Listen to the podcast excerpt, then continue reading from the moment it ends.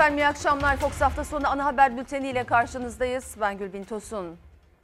Rejimin hain saldırısında şehit olan 34 kahramanımıza Allah'tan rahmet, yakınlarına ve tüm Türkiye'ye başsağlığı dileyerek başlıyoruz. Türkiye bir yandan şehitlerini toprağa verirken bir yandan da onların kanlarını yerde bırakmamaya kararlı. Fox Haber Mehmetçiğin mücadelesine sınır hattında tanıklık ediyor. Barış Kaya Hatay Reyhanlı'da, Öznur Aslan da Hatay Cilve Gözü sınır kapısında birazdan son durumu aktaracak bize. Türkiye'nin sahada mücadelesi son hız sürerken Ankara'da da diplomasi trafiği var. Ankara Haber Müdürümüz Engin Yılmaz diplomatik mücadelemizi ve hain saldırının ardından siyasi arenada yaşananları aktaracak. Ve bir başka sıcak nokta Yunanistan sınırı. Pazar Kule sınır kapısında bir insanlık dramı yaşanıyor. Göçmenlere sınırları açtık ama yıllardır milyonlarca mülteciye ev sahipliği yapan Türkiye'nin tam aksine Yunanistan kapılarını kapattı. Emre Eskübarlas Yunan sınırındaki dramı bizlere aktaracak. Ama önce yüreğimizi dağlayan şehitlerimiz. 34 kahraman Mehmetçik Türkiye evlatlarına veda etti. Kelimeler acıyı tarifte yetersiz kaldı. İdlib şehidi askerlerimiz memleketlerinde toprağa verildi.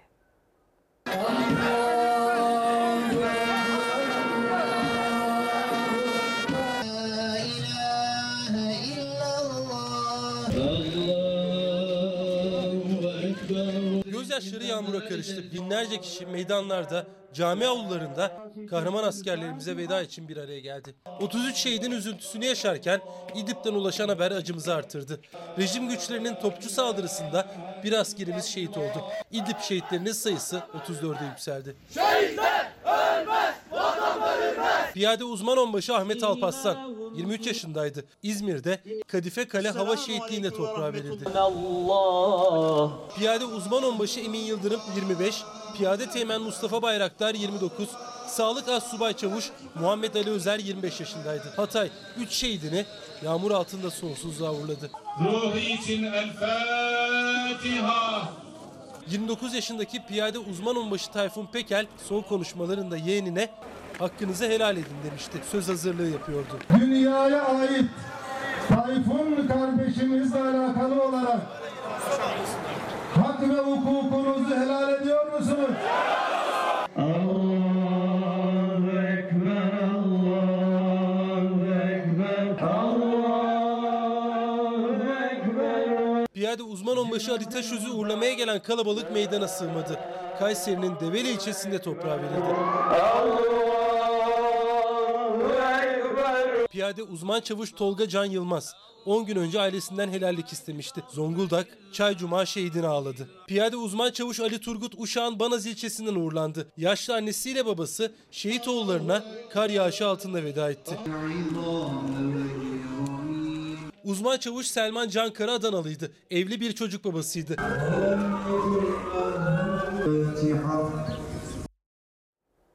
İdlib'de şehit düşen 34 kahramandan biri uzman onbaşı Emre Baysal İstanbul'da uğurlandı son yolculuğuna. Cumhurbaşkanı Erdoğan'ın da katıldığı cenaze töreninde yüzlerce kişi gözyaşlarıyla uğurladı kahramanı. Gelin birer Fatiha okuyalım diyorum. El Fatiha. Allahu Ekber İdlib şehitlerinden uzman onbaşı Emre Baysal 24 yaşındaydı. Hain saldırıda şehit düşen kahramanı aynı saldırıda yaralanan silah arkadaşı son yolculuğunda yalnız bırakmadı. İstanbul'daki cenaze törenine Cumhurbaşkanı Erdoğan da katıldı. Bizler de şu anda vatanı için Allah yolunda bu mücadeleyi verirken şehit olan Emre evladımıza, kardeşimize sizler de şehadetinizi en gür sada ile yaptınız. Buna ihtiyacı yok. Fakat bu bir Müslüman olarak bizim sadece buradaki kalbi selim ile, aklı selim ile ortaya koyduğumuz bir ifade. Biz şimdi onu işte ulu makama uğurluyoruz. Şehit uzman onbaşı Emre Baysal nişanlıydı. 50 gün sonra düğünü vardı. Oğullarını bekleyen ailesine acı haberi ulaştı şehidin. Cenaze töreni Pendik'te 15 Temmuz Şehitler Camii'nde düzenleniyor ve cenaze törenine Cumhurbaşkanı Erdoğan başta olmak üzere çok sayıda devletin zirvesinden isim katılıyor. Cumhurbaşkanı Erdoğan kısa bir konuşma da yaptı törende. Şu anda Suriye'de, belki Libya'da, belki çok daha farklı yerlerde, geçmişte, tarihte nasıl bu mücadeleyi vermişsek, bundan sonra da yine aynı mücadeleyi vermeye devam edeceğiz. Şunu bilmemiz lazım ki Şehitler Tepesi hiçbir zaman boş değildir, boş kalmayacaktır. Şehidin Konya'da vatani görevini yerine getiren kardeşi de cenaze törenindeydi. Acılı babası ise güçlükle ayakta durabildi. Düzenlenen törenin ardından vatan toprağına emanet edildi İdlib şehidi Emre Baysal. Haklarınızı helal ettiniz mi?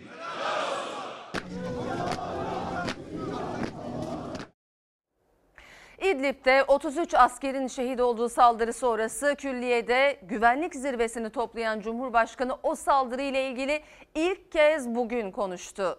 Dolmabahçe'deki Cumhurbaşkanlığı ofisinde İstanbul milletvekilleriyle buluşmasında Erdoğan şehitlerimizin acısı yüreklerimizi dağılıyor dedi. Rejime gereken yanıtın verildiğini söylerken de şehitlerimizin kanını yerde bırakmadık, bırakmayacağız cümlesini kurdu. Şehit düşen her evladımızın acısı yüreğimizi dağılıyor.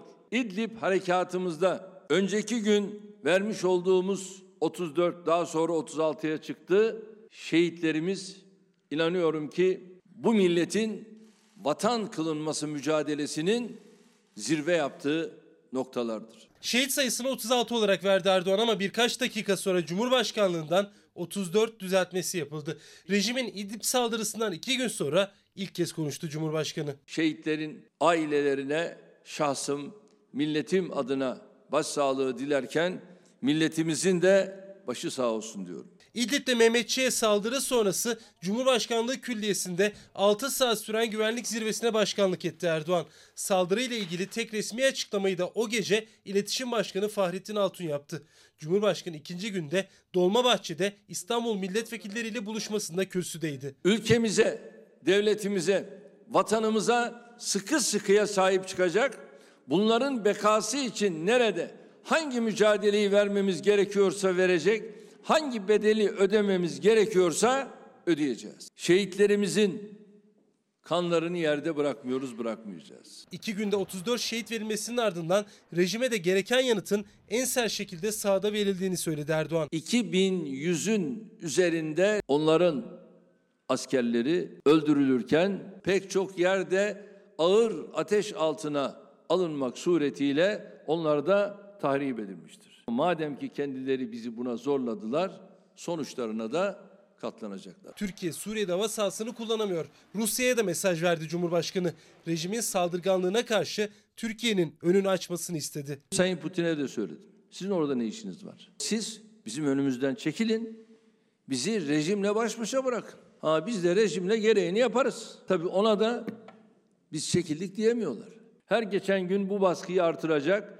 Rejime de onları destekleyenlere de kararlılığımızı göstereceğiz. Cumhurbaşkanı Erdoğan Türkiye'nin İdlib'den çekilmeyeceğinin altını kalın kalın çizdi. Türkiye'nin gelecek mücadelesi verdiğini söyledi. Bugün Suriye sınırlarımızı terör örgütlerinden arındırmaz isek bugün Kamışlı'da, Resulayn'da, Tel Abyad'da, Ayn Arap'ta, Cerablus'ta, Münbiş'te, Elbap'ta, İdlib'de vermediğimiz savaşı yarın Şırnak'ta, Mardin'de, Şanlıurfa'da, Gaziantep'te, Hatay'da vermek zorunda kalırız. Hedefin Türkiye olduğuna dair cümleleri de dikkat çekiciydi. Karşımızdaki senaryonun asıl hedefi Suriye değil, Türkiye'dir. Suriye'de istediklerini alanlar namluları hemen Türkiye'ye çevirecektir. Suriye'de eğitilmiş ve donatılmış bölücü terörist sayısı 40 bin ile 60 bin arasında ifade ediliyor. Suriye'de verdiğimiz mücadeleyi başarıyla sonuçlandıramazsak bu teröristlerin çoğu ülkemize yönelecektir. Türkiye hain saldırıyı karşılıksız bırakmıyor. Rejime ait hedefler ard arda vuruluyor. Silahlı insansız hava araçları bölgeye füze yağdırıyor.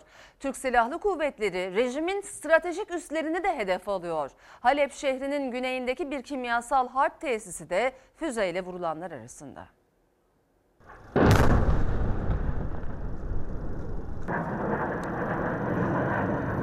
Rejim güçlerine nefes aldırmıyor Türk Silahlı Kuvvetleri. 34 kahramanın şehit düştüğü İdlib'de silahlı insansız hava araçları bir bir tespit ediyor bulundukları bölgeyi. Rusya destekli rejim güçlerine karadan ve havadan misliyle karşılık veriliyor. Yerden 3500 metre yükseklikte kaydedildi bu görüntüler. Rejim güçlerinin kaçmaya vakti olmadı. SİHA'lar füze yağdırdı. 2100'ün üzerinde rejim gücü öldürüldü.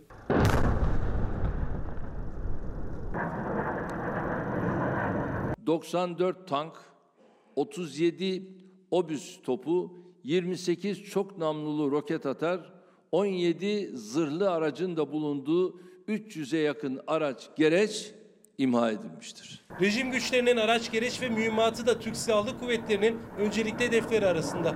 Onlardan biri de işte bu çok namlulu roket atar. O da silahlı İHA tarafından imha edildi.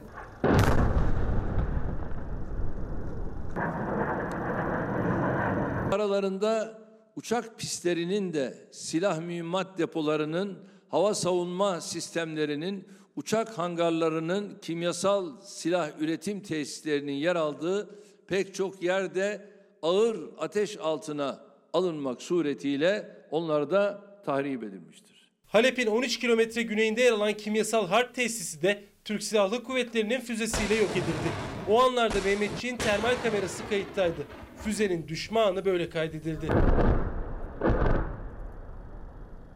Türk Silahlı Kuvvetleri'nin Suriye'deki gözü ve en yakıcı güçlerinden silahlı ve silahsız insansız hava araçları. Onların belirlediği koordinatlar çok namlulu roket atar ve obüslerle imha ediliyor. Hem gündüz hem gece rejim güçleri aralıksız vuruluyor.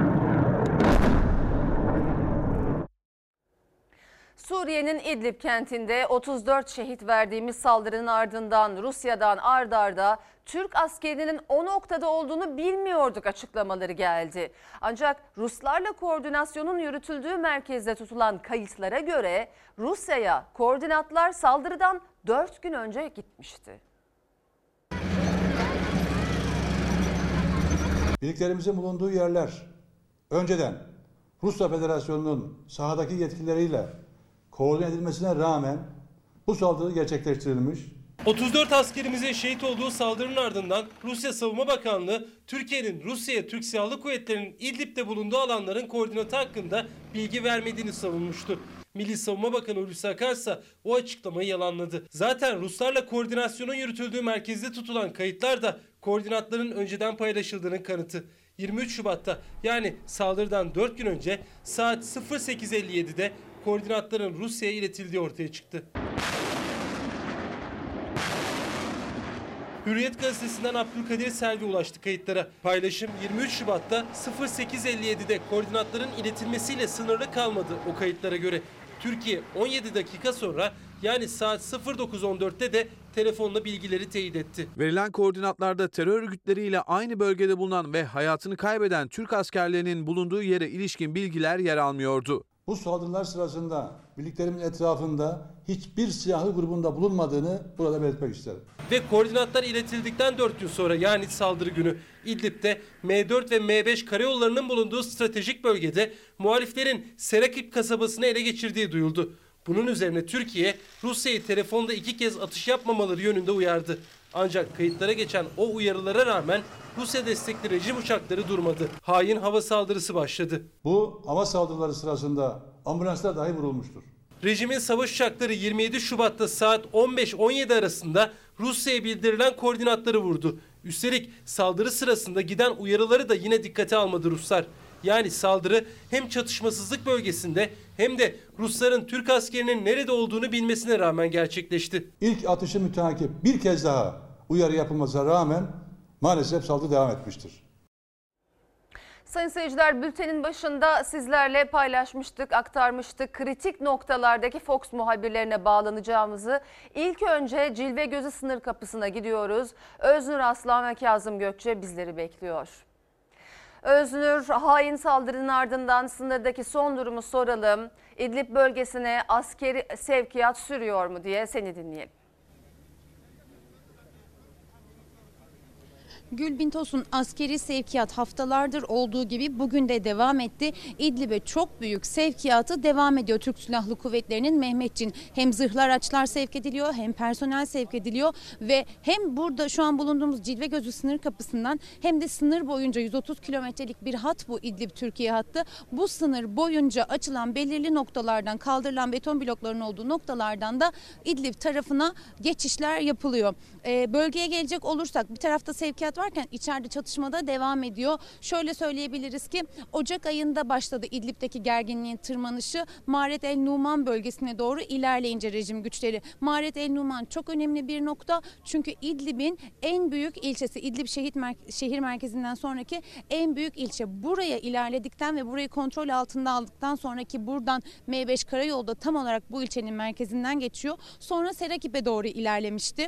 Rejim güçleri işte bu ilerleyiş gerginliği giderek tırmandırdı ve en nihayetinde ne yazık ki 34 askerimizin şehit olacağı noktaya kadar da geldi. 34 askerimizin şehadetinin ardından yani o hain saldırının yapıldığı o gecenin ardından bölgede çatışmalar daha da şiddetlendi. İHA'lar, SİHA'lar sürekli havadalar ve koordinatları tespit ediyorlar. Mevzileri vuruyorlar. Diğer taraftan karada da çatışma devam ediyor. Ilımlı muhalifler dediği Cumhurbaşkanı ılımlı muhalifler dediği o grupla rejim güçleri arasında da çatışmalar devam ediyor ve bu iki gündeki bu ağır çatışmalar sırasında Serakip'in dışına doğru, kırsalına doğru rejim güçleri süpürüldü aslında geriye doğru püskürtülmüş oldu. Ama sadece Serakip'te değil artık çatışma. Türk Silahlı Kuvvetleri ile birlikte muhalif grupların bölgedeki çatışma alanı daha da genişledi ve şu anda çatışma iki ayrı noktada Maret El Numan bölgesinde de yoğunlaştı. Yani gerginliğin tırmandığı ilk noktaya İdlib'i hedef aldıkları ilk döneme döndü biraz çatışmalar ve Maret El Numan'daki rejim güçlerine de e, bombardıman devam ediyor, saldırı devam ediyor. Oradaki önemli mevziler, farklı farklı noktalardaki önemli mevzilerde vuruluyor. Hem SİHA'lar tarafından hem de karadan topçu atışlarıyla vuruluyor o bölge. Bir taraftan ay sonu geldi artık. İşaret edilen, operasyon için işaret edilen günlerdi bugünler. Ay sonu geldi ama önümüzde daha Görünen o ki diplomasi trafiği devam edecek Mart ayının ilk haftasında da ama o diplomasi trafiği devam ederken bölge durulmuyor ve hem sevkiyat devam ediyor hem çatışma devam ediyor. Daha önce bulundukları pozisyonları korumaya çalışan muhalifler ve Türk Silahlı Kuvvetleri Mehmetçik şimdi artık rejim güçlerini geri püskürtme hedefinde ve bunu da son iki gündür yaşanan ağır çatışmalarla sağlamaya başladı. Peki Öznur Aslan çok teşekkürler ve sayın seyirciler birazdan yeniden Hatay'a döneceğiz. Bir başka noktada da Barış Kaya bizleri bekliyor onu belirteyim ve devam edelim.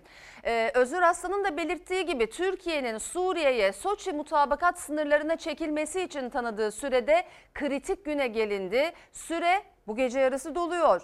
Geri sayım sürerken Ankara-Moskova arasında diplomatik temaslar sürüyor. Rusya iki ülkenin İdlib'de gerilimin azaltılmasında uzlaştığını açıkladı. Türk Silahlı Kuvvetleri'nin hava ve karadan destek verdiği muhalifler ise karşı saldırı başlattı. Birçok köyü rejimden geri aldı.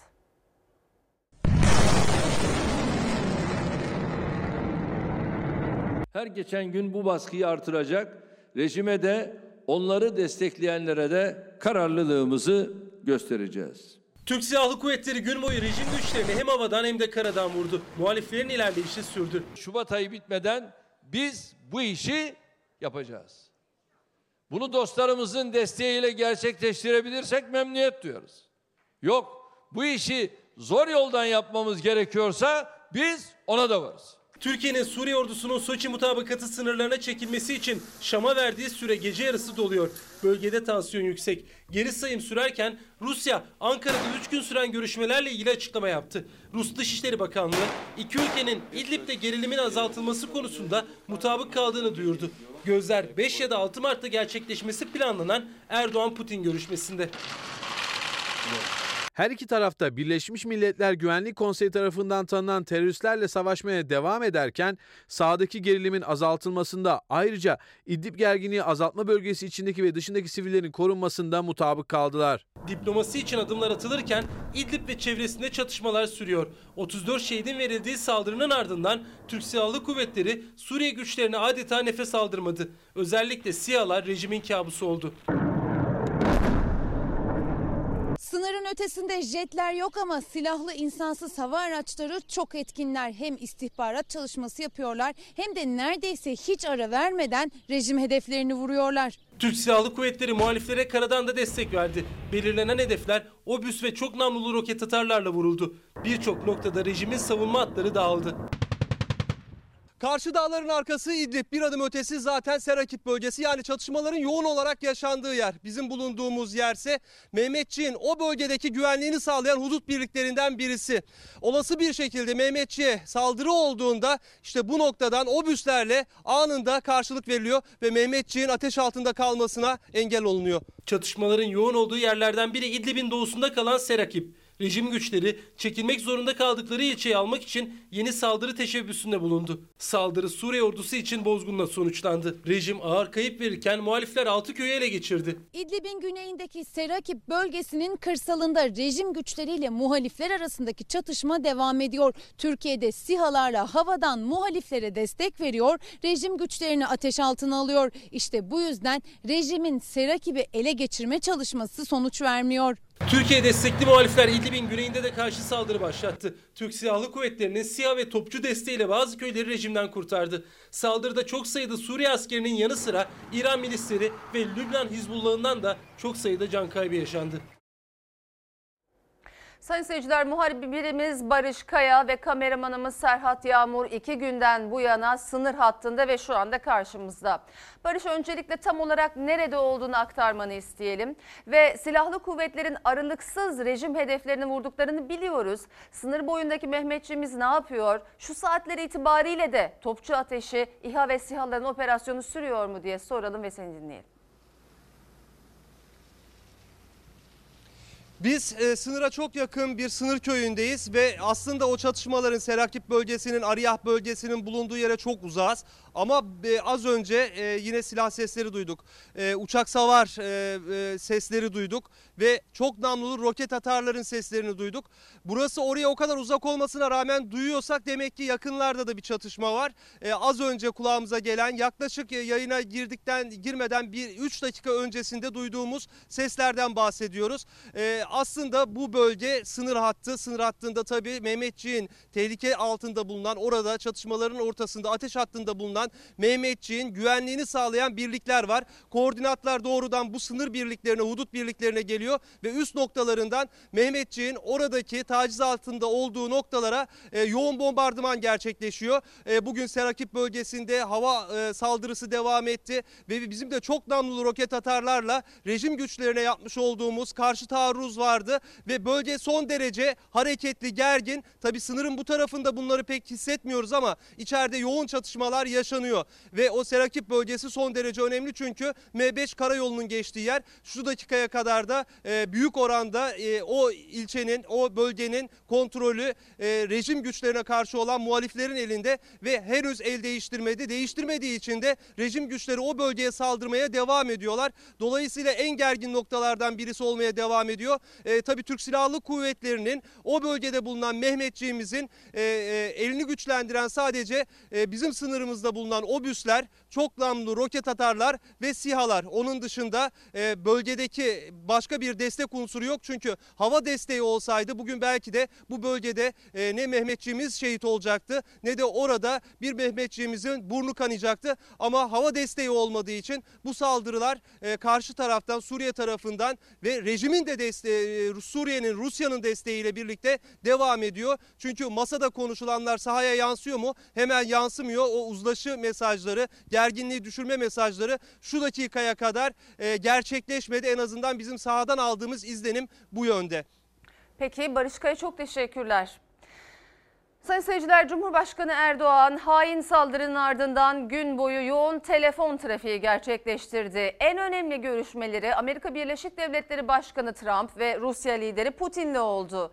Başsağlığı dileyen Trump rejim ve Rus saldırılarının durması gerektiğini söyledi. Cumhurbaşkanı Erdoğan ise Rusya'nın Suriye'deki varlığından bahsederken Amerika liderine petrol göndermesi yaptı.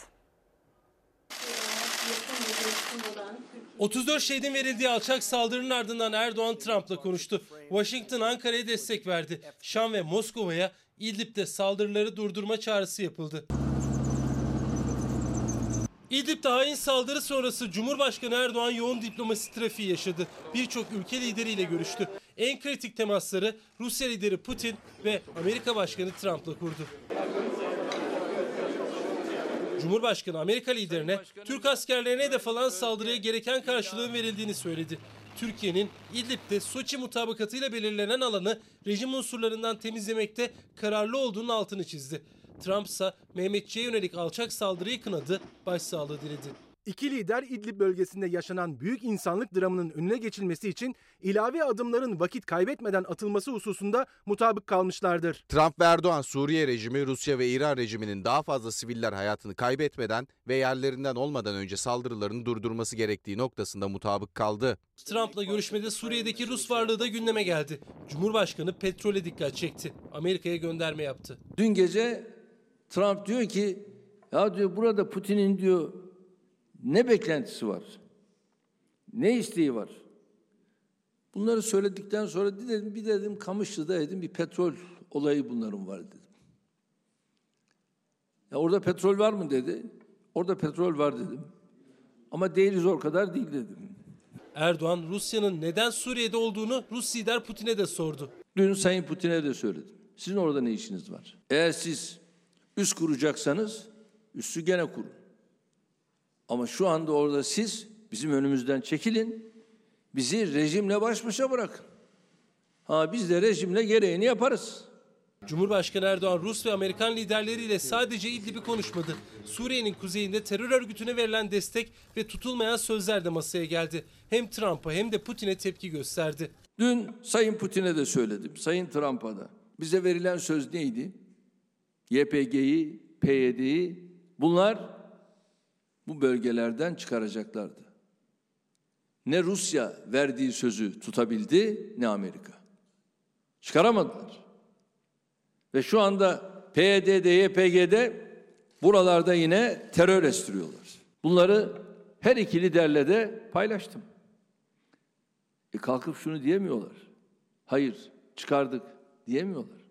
Türkiye'ye destek verenlerden biri de Amerika Dışişleri Bakanı Pompeo'ydu. Pompeo hain saldırıyı aşağılık ve utanmaz olarak tanımladı. Şiddetle kınadığını söyledi. Saldırılar sona ermeli, insani erişim sağlanmalı dedi.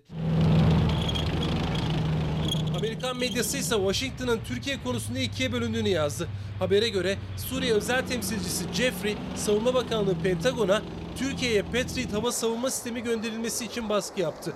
Uçuşa yasak bölge ilan edilmesini istedi. Jeffrey'nin taleplerine Pentagon'un yanı sıra Dışişleri Bakanlığı ve Genelkurmay Başkanlığı'nın karşı çıktığı öne sürüldü. Sayın seyirciler Cumhurbaşkanı Erdoğan'ın İdlib saldırısından iki gün sonra yaptığı konuşmadaki bazı ifadeleri, muhalefete yönelik eleştirileri siyasete tansiyonu yeniden yükseltti. CHP lideri Kemal Kılıçdaroğlu ve İyi Parti sözcüsü Yavuz Ağralioğlu Erdoğan'a yanıt verdi. Dün gece Trump diyor ki ya diyor burada Putin'in diyor ne beklentisi var? Ne isteği var? Dedim Kamışlı'da dedim bir petrol olayı bunların var dedim. Ya orada petrol var mı dedi. Orada petrol var dedim. Ama değiliz o kadar değil dedim. Tuzun koktuğu yerde ne söylenir ya? Emin olun çok üzgünüm. Ya cenazeler defnedilmeden bu nasıl bir konuşmadır? Daha acılar yaralar sarılmadan bu nasıl kahkahadır? Sayın Cumhurbaşkanı'nın konuşmasında görülmüştür ki şehitler ölmez ama devletin dili ölmüştür. Şehitler ölmemiştir ama devletin edebi ölmüştür. Merhamet ölmüştür. İdlib şehitleri nedeniyle siyasetin tüm tartışmaları rafa kalkmıştı. Ama Cumhurbaşkanı'nın yaptığı konuşmada sarf ettiği sözler Gezi olaylarını gündeme getirmesi, muhalefete yönelik eleştirileri CHP ve İyi Parti cephesinde yankılandı. 500 metre ötede Bezmi Alem Valide Sultan Camii'ni 3 gün 3 gece işgal ettiler. Bugün hükümetin kalpsizliğini onlara hatırlatma günü. Sayın Cumhurbaşkanımız, bizim 36 şehidimiz var. Gün boyu sürekli liderlerle görüşmelerimiz oldu. Ana muhalefetin başı hariç. O arama lütfunda bulunmadı. Neymiş ben onu arayacakmışım.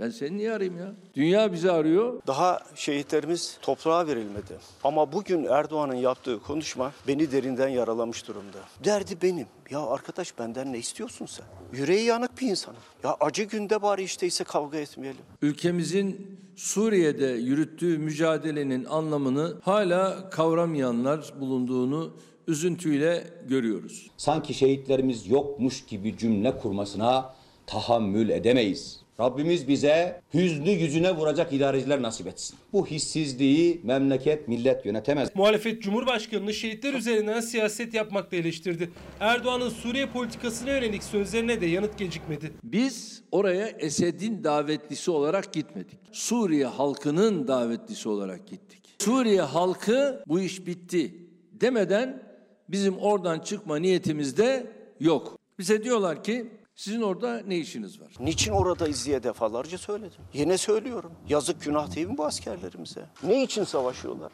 Türkiye'nin Suriye'de ne işi var sorusu Türkiye terör örgütlerine ve kendine düşman bir rejime teslim olmalı önerisini bize tavsiye ediyorlar. Şehitler Tepesi hiçbir zaman boş kalmayacak. Millet İttifakı'nın iktidarında şehitler tepesi boş kalacak. Hiçbir askerimizin tırnağına zarar gelmesini istemiyor. Sayın Cumhurbaşkanı bilsin ki devletin vazifesi şehitler tepesini doldurmak değildir. Terör örgütlerine teslim mi olalım? Ülkemize düşman rejime boyun mu eğelim? Bunları kullanarak vatanımızın bütünlüğüne ve milletimizin birliğine göz dikenlerin önünde diz mi çökelim? Türkiye'nin başına bu belayı niye açtınız arkadaş siz ya? Ben bunları şimdi konuştuğum için çok üzgünüm. Çok ama çok üzgünüm. CHP lideri şehitlerin acısı yaşanırken siyasi tartışmaya girmekten üzüntü duyduğunun altını kalın kalın çizdi. İktidar muhalefet arasındaki İdlib başlığının tansiyonu bir gün arayla yeniden yükseldi. 33 askerimizin şehit olduğu saldırı sonrası muhalefetin meclis olağanüstü toplansın talebi gerçekleşmedi ama mecliste grubu bulunan 4 siyasi partiden ortak bildiri yükseldi. AK Parti, CHP, İyi Parti ve MHP'nin imzasını taşıyan bildiride şehitler anıldı, ordumuzun arkasındayız mesajı verildi.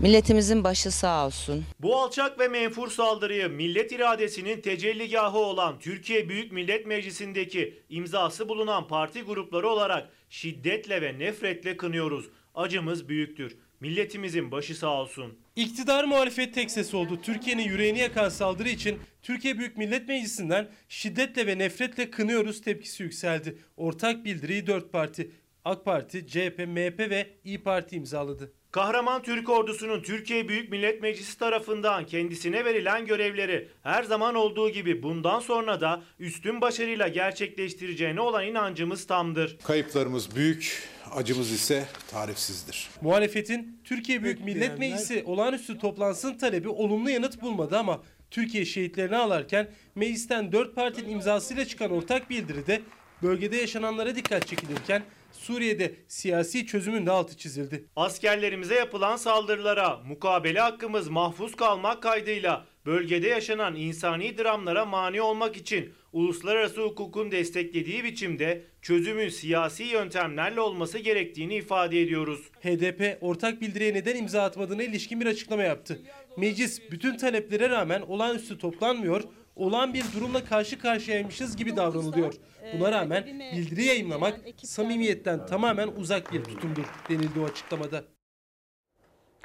CHP İdlib saldırısı sonrası meclisi olağanüstü toplantıya çağırmıştı. O talep meclis başkanından döndü. AK Parti'nin de istediği gibi meclis olağan gününde salı günü İdlib başlığını görüşecek. CHP ise kapalı grup toplantısı gerçekleştirdi. Hem meclis başkanını hem AK Parti grubunu eleştirdi. Meclis toplansın.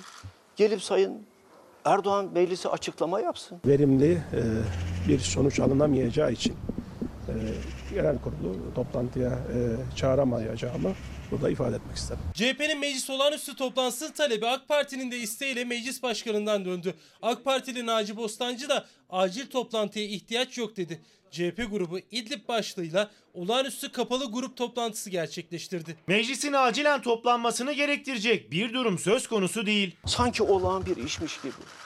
Bu meclis niye vardır arkadaşlar? Bu meclis niye var ya? İdlib'de iki günde 34 Mehmetçiğin şehit düşmesi sonrası CHP meclisin olağanüstü kapalı oturum yapmasını istedi. Cumhurbaşkanının İdlib'de yaşananlar ve Suriye politikası hakkında bilgi vermesini.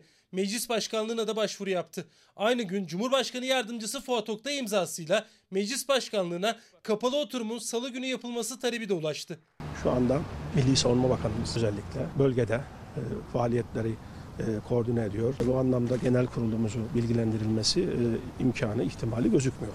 Mustafa Şentop anayasa ve iç tüzük hatırlatması yaptı. Cumhurbaşkanı meclise bilgi vermez dedi. Meclisi bilgilendirecek kişi Milli Savunma Bakanı o da Ankara'da yok dedi. Kapalı oturumun saldırıdan 5 gün sonra salı günü olağan genel kurulda yapılacağını söyledi. 2 Ocak tarihinde Libya tezkeresi için 4 gün bekleyemeyip meclisi olağanüstü toplantıya çağıranlar yüreğimizi yakan o anda 33 şehit sayının çok daha yüksek olmasından endişe ediliyor ve diyoruz ki meclisi acilen toplayalım acele etmeyin salı günü toplanır. Bu ayıplı bir yaklaşım. Salı günü e, hem verilecek bilgilerin niceliği hem de niteliği bakımından e, meclisimizi daha çok tatmin edecek bir görüşmenin e, yapılabileceğine dair bir kanaatim var. 36 Mehmetçiğin şehit olması olağan bir hadise değildir.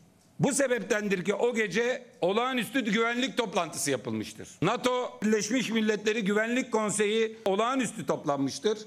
Olağanüstü toplantıya çağrılıp toplanması engel olunan tek yer Türkiye Büyük Millet Meclisi'dir. 34 şehidin verildiği bir dönemde Türkiye Büyük Millet Meclisi Başkanı'nın olağanüstü toplantı çağrısı yapmamasını, AK Parti'den aciliyet gerektiren durum yok açıklamasını meclisi işlevsizleştirme çabası olarak görüyor CHP. Saldırıdan 5 gün sonra salı günü olan toplantı gününde İdlib ve şehitler mecliste konuşulacak. Sayın seyirciler aktardık. Sahada hareketlilik devam ederken diplomasi trafiği de hız kesmiyor. Tüm detaylar için Ankara'ya dönüyoruz. Ankara Haber Müdürümüz Engin Yılmaz bizleri bekliyor. Engin Türkiye'nin rejim güçlerinin Soçi'de çizilen sınırlara dönmesi için verdiği sürede son gün bugün. Yarın ne beklenmeli? Gerçi operasyon İHA ve SİHA'larla başladı. Ee, ama neler söyleyeceksin? Beklentilerin neler? Tabii bunu sahadaki gelişmeler ve masadaki gelişmeler birlikte belirleyecek. Erdoğan-Putin görüşmesi bu açıdan çok kritik ama yayına yani bu bağlantıdan hemen önce birkaç dakika önce Cumhurbaşkanlığından yeni bir bilgilendirme geçti. Cumhurbaşkanı Erdoğan İran Devlet Başkanı Hasan Ruhani ile de telefon görüşmesi yaptı. İran'da bölgede özellikle Suriye'de önemli aktörlerden bir tanesi. Rusya ile birlikte rejimin garantörlerinden e, Cumhurbaşkanı Erdoğan Putin'le görüşmüştü. Hasan Ruhani ile de e, az önce bir görüşme gerçekleştirdi. Cumhurbaşkanlığı bu konuda bir cümlelik bir açıklama yaptı. İdlib ve bölgesel meseleler konuşuldu dedi. Tabii bu diplomatik temasların, bu görüşmelerin e, sahaya yansımaları da olacak. Önümüzdeki günlerde göreceğiz. Cumhurbaşkanı Erdoğan'ın Ruhani ile görüşmesinin dışında bugün bir başka önemli diplomatik temas daha vardı. Yüz yüze e, Dışişleri Bakanı Mevlüt Çavuşoğlu, Amerika Dışişleri Bakanı Pompeo ile bir araya geldi. Katar'da e, bir toplantıya katılmışlardı ikili ve orada yüz yüze görüşler. Tabii o görüşmenin de başlığı İdlib'de. O görüşmeden sonra Çavuşoğlu bir açıklama yaptı.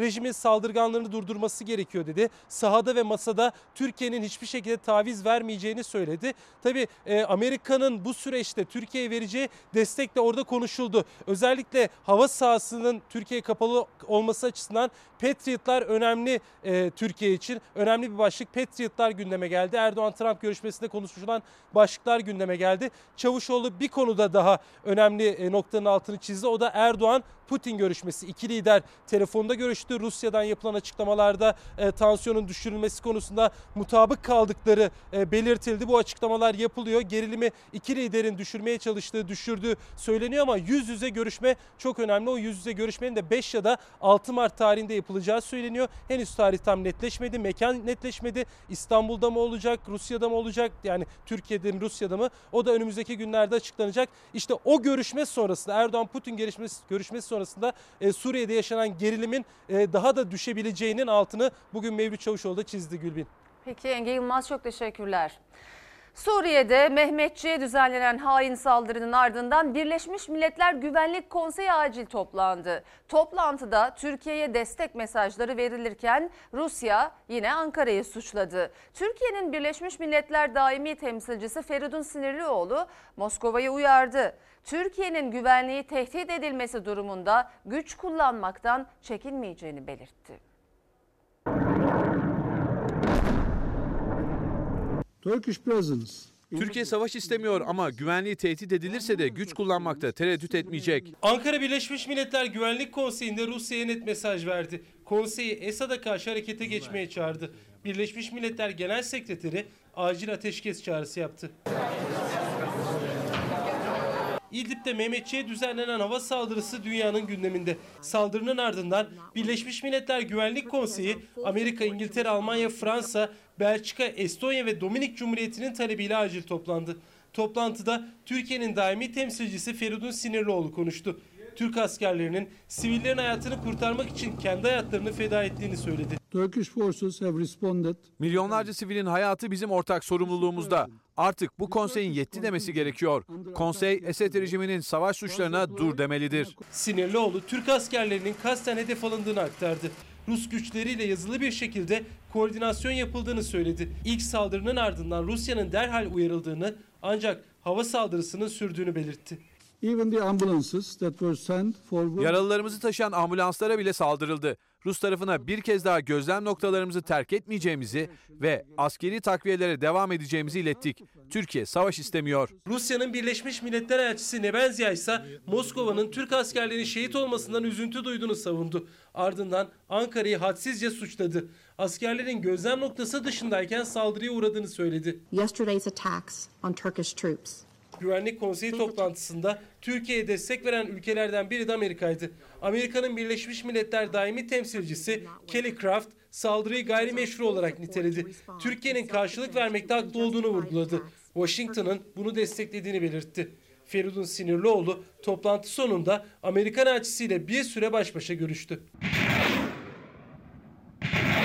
Birleşmiş Milletler Genel Sekreteri Guterres ise Suriye'de son 24 saatte yükselen tansiyonun düşürülmesi gerektiğini söyledi. Acil ateşkes çağrısı yaptı. Uzlaşma olmaması halinde savaşın daha da dramatik bir hal alacağını savundu.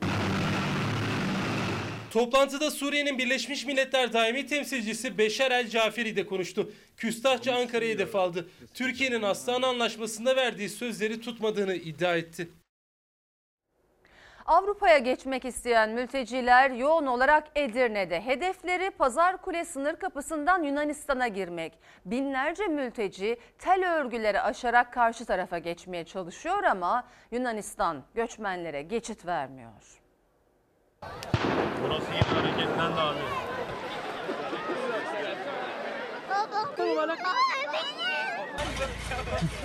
İşte duvardan atlayanları görüyorsunuz. İnsanlar hemen sol taraftan akın akın kaçmaya çalışıyorlar. Yunan polisi yine bir sis bombası attı.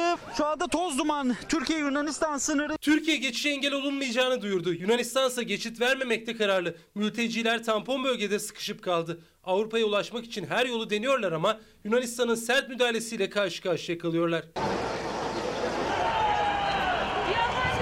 Tel örgülere tırmanan da var, otelleri parçalayıp geçmeye çalışan da. Bulgaristan ilk andan itibaren net bir dille mülteci kabul etmeyeceğini açıklamıştı.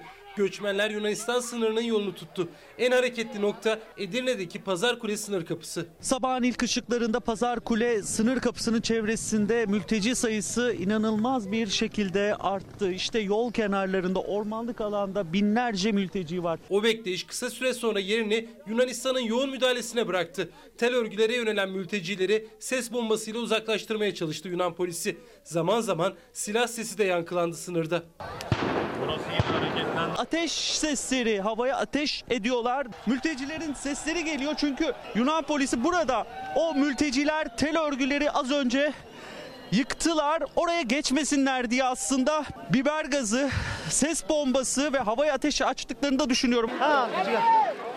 Kalabalığın ortasında ezilen, gazdan en çok etkilenen ve korkan çocuklar oldu. İşte yan tarafta genci yaşlısı binlerce mülteci burada. İşte bir çocuk zaten ne yazık ki olan hep çocukları oluyor. Fenalaşan küçük bir çocuk hemen yere yatırıldı. Bir başka çocuksa ona kendince yardım etmeye çalıştı.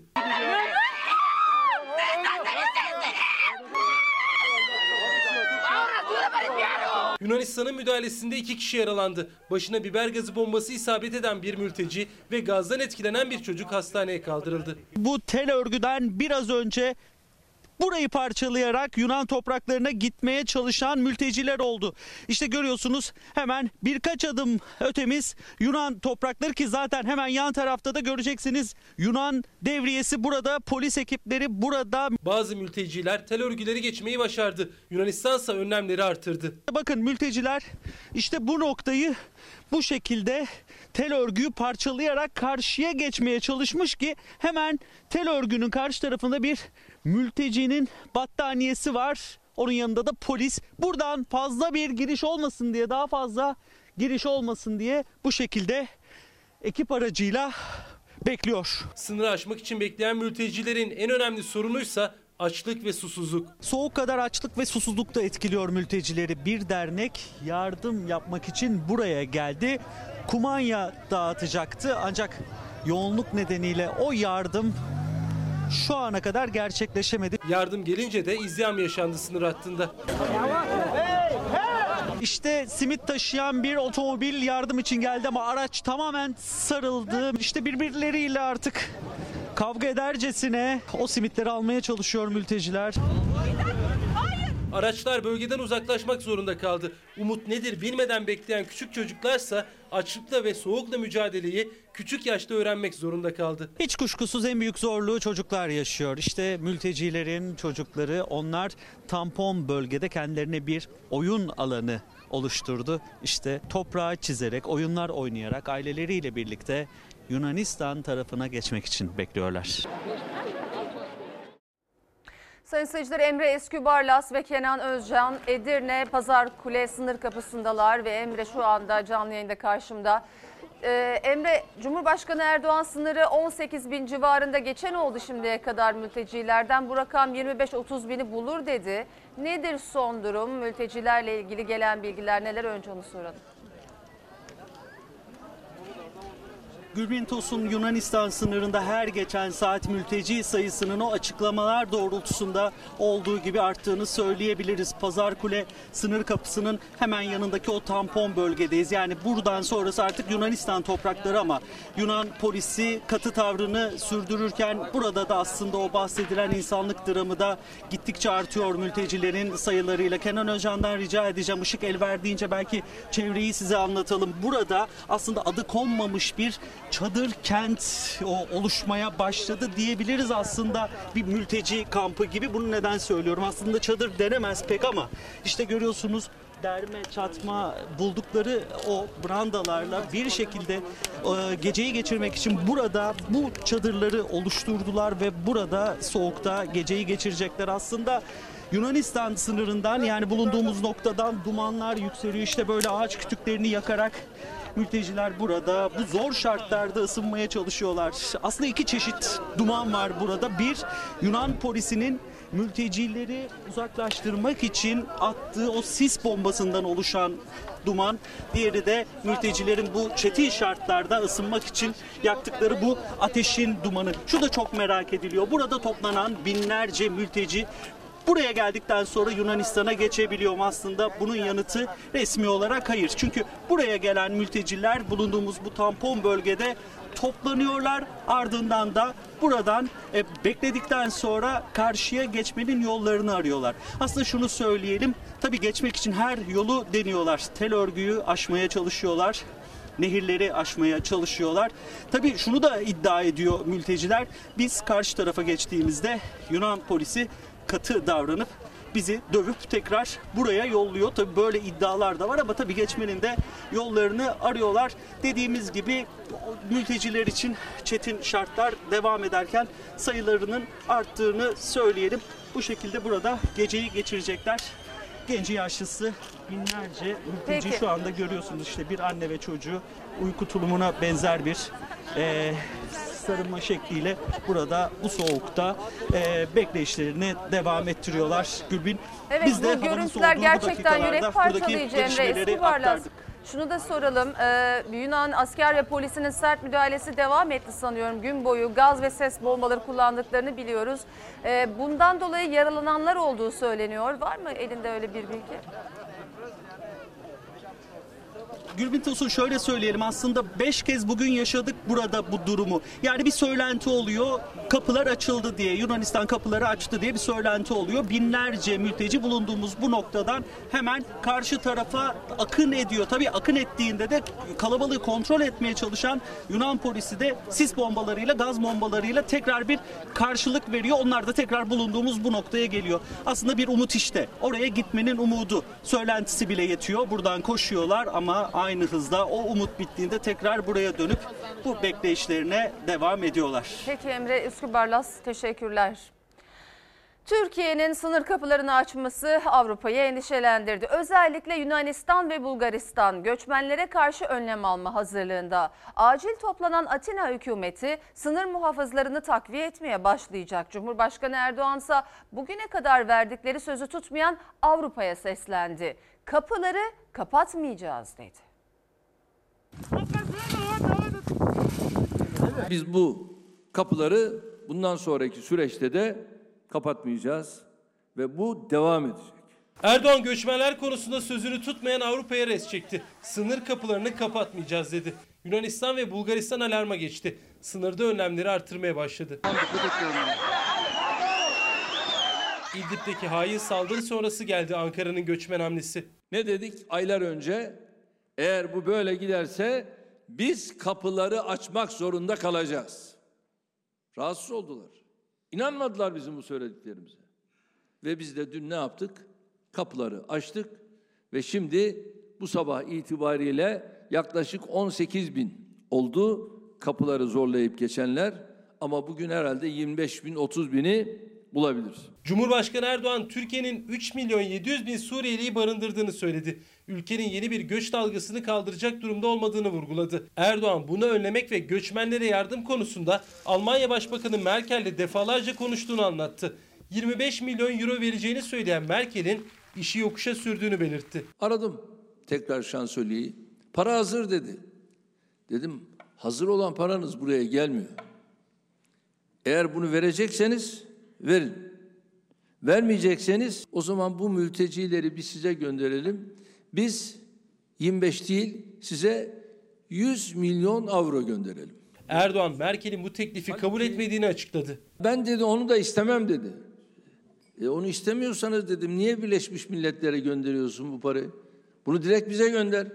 Ben sizin pratik olmanızı istiyorum dedim. Göçmenler ise akın akın Yunanistan ve Bulgaristan sınırlarına gidiyor. Avrupa panikte. Yunan hükümeti acil gündemle toplandı.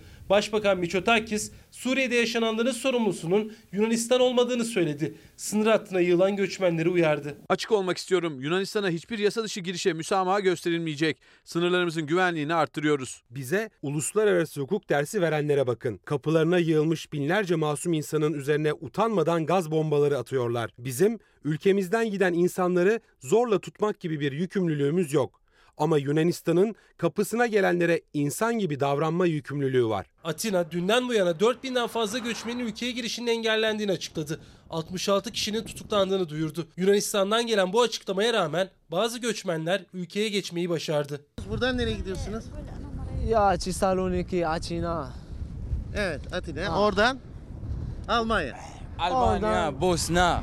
Uluslararası Af Örgütü ise Yunanistan ve Bulgaristan'ı eleştirdi. İki ülkeye kapılarını göçmenlere açma çağrısı yaptı. Sınır muhafızlarının aşırı güç kullanmaktan kaçınmasını istedi. Yalnızca gündüz değil, sınır kapılarında gece de insanlık dramı devam ediyor. Soğukta, kucaklarında bebekleriyle ateş yakarak ısınmaya çalışıyor mülteciler. Sınır kapılarına yolculukta gece boyunca devam ediyor Emre Eskübarlaz ve Kenan Özcan. Dün gece boyunca sınırda göçmenlerle birlikteydi. İşte izlenimler. Çocuk var mı çocuk? Kaç aylık? Bir sene. Bir yaş. Hava soğuk, gece zifiri karanlık. Dünyaya geleli henüz birkaç ay olmuş bebekleri, yaşına yeni basmış çocuklarıyla yola çıkan mültecilerin bekleyişi gece boyunca sürdü. Yanlarına aldıkları yiyecekleri sınırlıydı. Yunanistan'a açılan Pazar Kule sınır kapısında ne kadar bekleyeceklerini bilmeden gece boyunca ateş yakarak ısındılar. Karnınız aç mı? Orada pek yemek yok. Sizi de almıyorlar.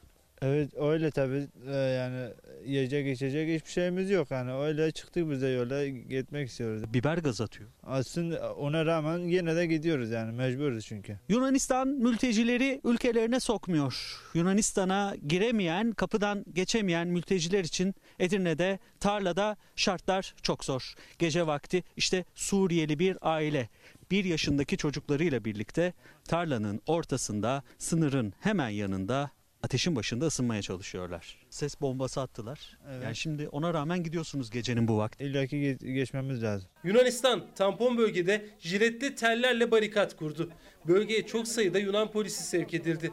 Gece saatler ilerledikçe Pazar Kule sınır kapısında bekleyen mültecilerin sayısı da arttı. Umutluyuz. Bir aya kadar da olsa Türkiye izin verse biz burada bekliyoruz. Hiçbir yere gitmiyoruz. Bin kişi olur. O birisi gün 2000 kişi olur. İnşallah mecbur kapıları açıyorlar. Çünkü biz zaten e, geri dönmek şansımız yok. Sadece bekleyiş değil, İstanbul'dan Ankara'dan Umud'a yolculuk gece boyunca sürdü. Mülteciler tren, taksi, otobüs bulabildikleri herhangi bir vasıtayla sınıra akın etti. O vasıtalara binene kadar apartmanların kapı kenarlarında battaniyelerin altında yağmurdan korunmaya çalıştı mülteciler. Bebekler küçücük ellerindeki biberonlarla Umud'a doğru gece yolculuğuna çıktı.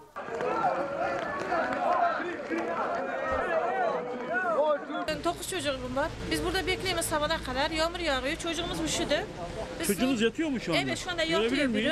Heh, üşüdü yatıyor. Kaç kişi geldiniz? Taksimetre açıyoruz. 830 lira, 850 lira falan yazıyor. Gece rüzgarlı ve yağışlıydı. Bebeklerini soğuktan korumak için sarıp sarmaladı aileler. Zorlu yolculukta gecenin karanlığında küçükler sadece ıslanan bedenleriyle değil yaşlı gözleriyle ne olduğunu anlamaya çalıştı. Mültecilerin sınıra yürüyüşü gecede hız kesmedi. Buradan sınırdan Edirne'den karşı tarafa geçmek için gecenin karanlığında çocuklarıyla birlikte yürümeye devam ediyorlar. Evcil hayvanları, çocuklarının oyuncakları, bezleri ve sadece bir günlük yiyecekleri ellerinde belirsizliği beklemeye koyuldu mülteciler. Gerçekten aç insanlar ve burada hepsi rezil olacak. Çok insan belki bu akşam hasta olacak burada. Çocuklar özellikle hasta olacak. Allah herkese yardım etsin. Kimseyi vatansız, şeysiz bırakmasın. Avrupa'ya umut yolculuğu Edirne'den başlamıyor kuşkusuz. Edirne'ye gidiş de mülteciler için meşakkatli. Türkiye'nin dört bir yanındaki otogarlardan Edirne yönüne göçmen otobüsleri kalkıyor. Bir yandan da botlarla nehir aşılmaya çalışılıyor.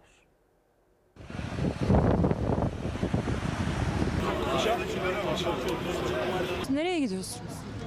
Ee, Avrupa'da gideceğim inşallah. Ben Yunanistan'da gidiyorum. Fransa'ya gidiyorum. Karadan, nehirden, otobüslerle, botlarla, trenle Türkiye'nin her noktasından Avrupa'ya gitmek için yola çıktı mülteciler. İlk durakları olan Edirne'ye ulaşabilmekti ilk hedefleri. Yunanistan gideceğiz. Yunanistan'a gideceksiniz ama Yunanistan kabul etmiyor.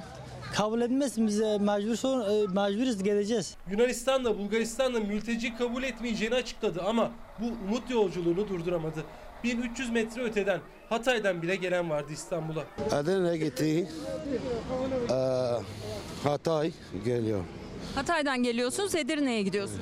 Evet. Sınıra mülteci akını devam ediyor. Yunanistan kabul etmiyor, hatta müdahale ediyor. Ancak mülteciler bugün de otobüslerle bir umut sınıra ulaşmaya çalışıyorlar. Bir gideyim yakında bir bakayım duruma göre bir karar veririz yani. Kaçak giderim abi. Kaçak. Kaçağa gideceksiniz. Evet. Git git git git. Başka Polis bekliyor, asker bekliyor. Polis bekliyor. Başka çare yok. Gitmek zorundayız. Birkaç tanesi geçtiler. Nasıl geçtiler? Bilmiyorum ki bir, bir yol bulmuşlar geçtiler. Otobüslerin biri kalkarken diğeri beklemeye başlıyor. Doldukça sınıra hareket ediyorlar. Otogarlar geceden gündüze mültecilerle dolup taşıyor. Sadece sokak araları ve meydanlar değil, otogardan da sınıra akım var, yaşlılar var, çocuklar var, hatta aralarında bebekler var. Aslında sınırda ne olduğunu biliyorlar ancak yine de gitmekte kararlılar. Ne kadarlık? Bir buçuk yaşında. Yunanistan kabul etmiyor. Etmese geri dönmek zorundayız. Mecbur gideyim. Çocukla nasıl olacak? Mecbur gideyim. Taksilerle Meriç Nehri'nin kıyısına gelenler botlarla Yunanistan'ın yolunu tuttu. 9 kişilik bir aile ise nehirdeki adacıkta mahsur kaldı. Bölgedeki gelişmeler İdlib'de yaşananlar aslında bir sığınmacı akınının da habercisi gibi. O yüzden de sınır hattındaki gümrük kapılarında olası bir göç dalgası için çalışmalar devam ediyor. Bir yandan Avrupa'ya göç umudu sürerken diğer yandan da Türkiye sınırlarında güvenliğini artırıyor. İdlib'den olası bir göç dalgasına karşı Hatay sınırında dikenli teller yenileniyor. Efendim Fox hafta sonu ana haber bülteninin sonuna geldik. Eh, Bir kez daha şehitlerimize Allah'tan rahmet dileyerek kapatıyoruz bülteni. Milletimizin başı sağ olsun diyoruz.